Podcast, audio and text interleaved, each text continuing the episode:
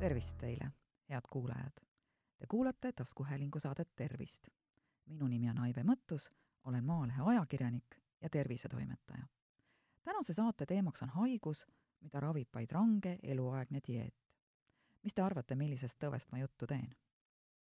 õigus, tsöliaakiast.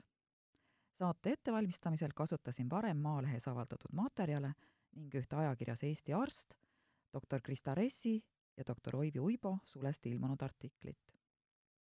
tsöliaakia puhul hakkab organismi immuunsüsteem glüteeni söömise korral iseenda vastu tööle ja sestap tuleb menüüst välja jätta kõik nisust, rukkist ja odrast valmistatud tooted. Neist teraviljadest sisalduv valk, mille nimeks on siis gluteen, põhjustab peensoole limaskesta hattude kahjustusi, mis omakorda tähendab, et toitained ei jõua organismi selgitas Maalehes haiguse olemust Katre Trofimov, kes on seda haigust põdevaid inimesi koondava Eesti tsüliaakia seltsi juhatuse liige. piltlikult öeldes näeb terve peensool äh, inimesel seestpoolt välja nagu narmas vaip, kus niinimetatud narmaste kaudu imenduvad kehasse kõik vajalikud ained. kuid tsüliaatik, jah, just sellist sõna kasutatakse neid, seda haigust põdevate inimeste määratlemiseks, äh, sööb gluteeni sisaldavat toitu siis kuluvad need narmad järk-järgult aina lühemaks, kadudes lõpuks täiesti ära. ja lisaks tekib see peensooles limaskesta põletik. tsöliaakia mõjutab umbes kahte protsenti elanikkonnast ja see on üks sagedamini esinevaid kroonilisi haigusi nii lastel kui täiskasvanutel. kuigi tõbe kirjeldati esimest korda juba nii vara nagu aastal tuhat kaheksasada kaheksakümmend kaheksa, peeti seda kuni üheksakümnendate alguseni kogu maailmas harva esinevaks haiguseks. üheksakümnendatel aga selgus, et haigus on Euroopas sagedane. Ameerikas kulus selle teadmiseni veel aastaid. seal tunnistati tsöliaakia laialt levinud krooniliseks haiguseks alles kahe tuhande kolmandal aastal. haigestuda võivad igas vanuses inimesed ning väga olulisel kohal haiguse tekkes on geneetiline eelsoodumus ligi kuuskümmend protsenti uutest haigusjuhtudest diagnoositakse täiskasvanutel kellest neljandik on üle kuuekümneaastased. lapseeas diagnoositakse haigust poistel ja tüdrukutel võrdselt, täiskasvanueas naistel kaks korda sagedamini kui meestel. paljudel inimestel annab haigus endast äh, märku rauavaegus aneemiana. pärast rauakuuri kukub hemoglobiini näit alati kohe kolinal alla, kirjeldavad haiged oma olukorda. tekib küsimus, miks raud ei imendu. ja kui asja uurima hakatakse, siis selgubki, et tegemist võib olla tsöliaakiaga. arstid toovad tsöliaakia enam esinevate sümptomitena välja just kaalulanguse ja kõhulahtisuse, kuid kohata võib ka muutusi jäävhammaste emailis, luu hõrenemist, iiveldust, juuste väljalangemist ja kõhukinnisust. Tartu Ülikooli Kliinikumi gastroenteroloog Karin Kull ütleb, et lisaks peensoole kahjustusele võivad äh, selle haiguse korral esineda muutused organismi muudeski kudedes, näiteks nahas, ajus ja närvisüsteemis. mitmesugused erinevad sümptomid võivad enne diagnoosi panemist esineda pikka aega, isegi kuni kümme aastat. kuna ligikaudu pooltelt tsöliaakia haigetel esinevad äh, atüüpilised sümptomid ning varjatud haigusvorm, võivad nad sattuda väga erinevate erialade arstide vastuvõttudele sageli aga just äh, nahahaiguste arsti juurde, hematoloogi, ortopeedi, reumatoloogi, günekoloogi, endokrinoloogi, hambaarsti, neuroloogi või koguni psühhiaatri konsultatsioonile. kirjanduse andmetel on juba diagnoositud ja senini diagnoosimata, kuid teadusuuringute käigus avastatud tsöliaakia juhtude suhe üks viiele kuni üks kolmeteistkümnele tsüliaakia kahtluse korral määratakse veres koe transglutaminaasi antikehad. kui need on positiivsed, siis võetakse gastroskoopial peensoole limas kestalt proovitükid ning hinnatakse peensoole hattude kõrgust ja põletikurakkude hulka peensoole limas kestas, selgitab doktor Kull seda, kuidas haigust diagnoositakse. viimastel aastatel on saanud võimalikuks veres spetsiifiliste pärilike markerite määramine.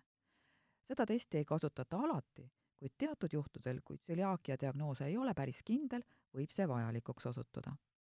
tsöliaakia sõeluuring, milleks on antikehade määramine veres, tuleb teha enne ravi alustamist. kui inimene saab tsöliaakia diagnoosi, siis on see elu muutev. sest tsöliaatik peab pidama terve elu ranget gluteenivaba dieeti, mille tulemusena vaevused ja sümptomid taanduvad ning peensoole limaskest taastub täielikult. Iga gluteenivaba toidukord on tsüliaakia haige jaoks ravim. dieedist tuleb hoolega kinni pidada, sest gluteeni sisaldavate toiduainete söömisel tekib soolekahjustus uuesti. ja ravimata jätmisel võib peensoole kahjustus areneda pahaloomuliseks kasvajaks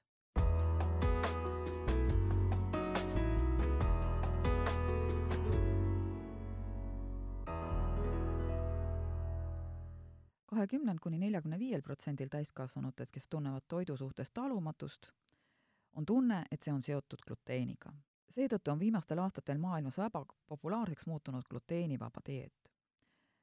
kas aga tegu on äh, tsöliaakiaga? tegelikult mitte.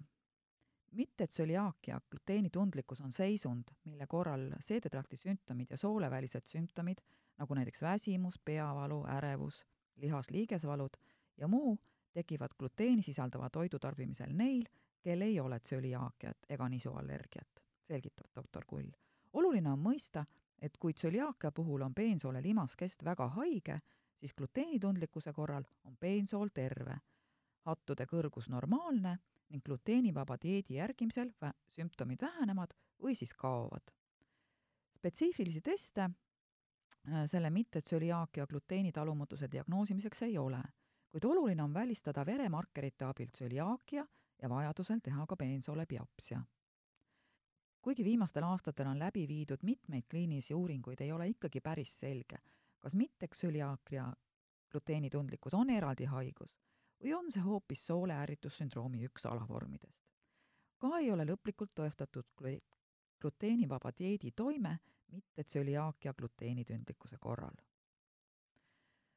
oh, nii palju keerulisi sõnu, et keel läheb sõlme.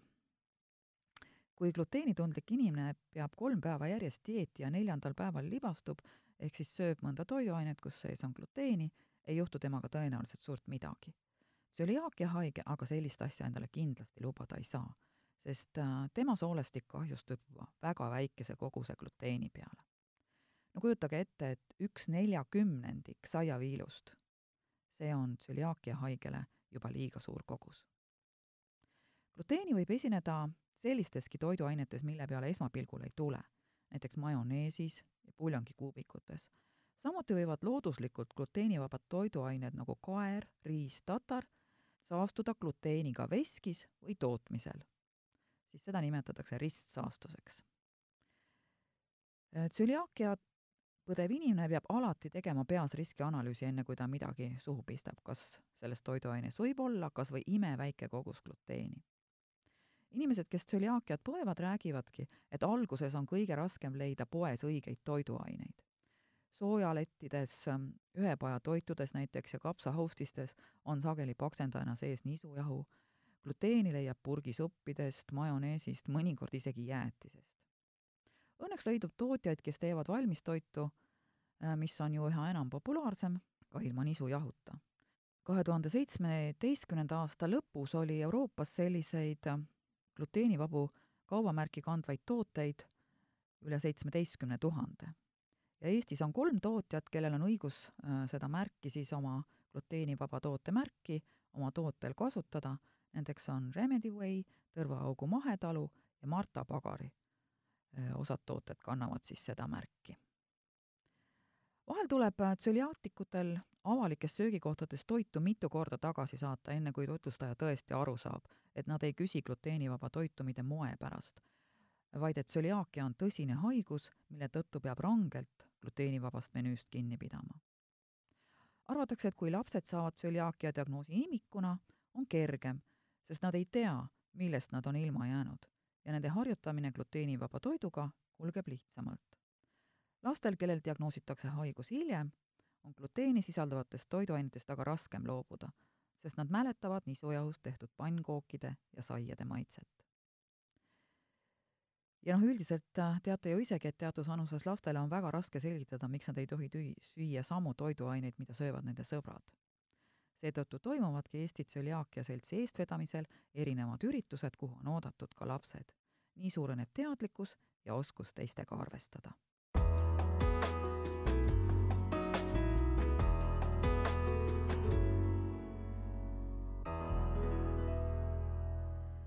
no nii, ja kokkuvõtteks. tsöliaakia on sage autoimmuunne haigus esinedes, esinedes ühel-kahel protsendist rahvastikust see võib avalduda igas vanuses, imikueast täiskasvanueani. mida nooremas eas tsöliaakia avaldub, seda tüüpilisemalt see võib kulgeda. ligi pooltel tsöliaakia haigetest esinevad haiguse atüüpilised sümptomid ja selle tõttu võib diagnoos hilineda. nii lastel kui täiskasvanutel on tsöliaakia esmaseks uuringuks IgA tüüpi koe transglutaminaasi antikehade määramine vereseerumis koos üld-IgA nivoo määramisega. No nii, see on nüüd väga keeruline, aga arstid teavad seda, mida teha. ja tsöliaakia diagnoosimiseks on ilmtingimata vajalik teha peensoole biopsia ning diagnoosi kinnitab peensoole limaskesta hattude atroofia ja krüptide hüperplaasia. tsöliaakia ravi on eluaegne, range gluteenivaba, nisu, rukki, odra, soovitavalt ka kaeravaba dieet.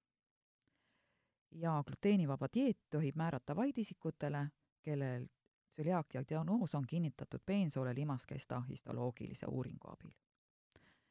mida peab aga meeles pidama inimene, kellel on Äh, tsöliaakia juba diagnoositud.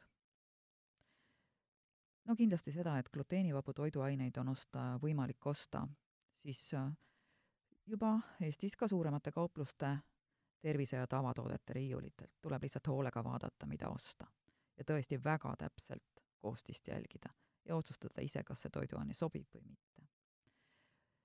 oluline on teada ka seda, et ravimid võivad sisaldada gluteeni ja laktoosi lisaks tuleks mõõta regulaarselt äh, luu tihedust, sest ravimata või halvasti ravitud juhtudel on olemas üsna suur risk osteoporoosi ehk luu hõrenemise tekkeks.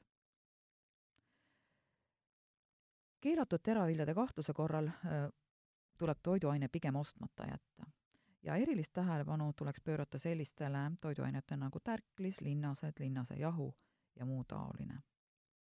vajaduse korral tuleb toitlustuskohtades küsida täpset infot toidu ja joogikoostise kohta. isegi, nagu ma näiteks ütlesin ennem, majonees ja puljongikuubikud võivad sisaldada nisujahu.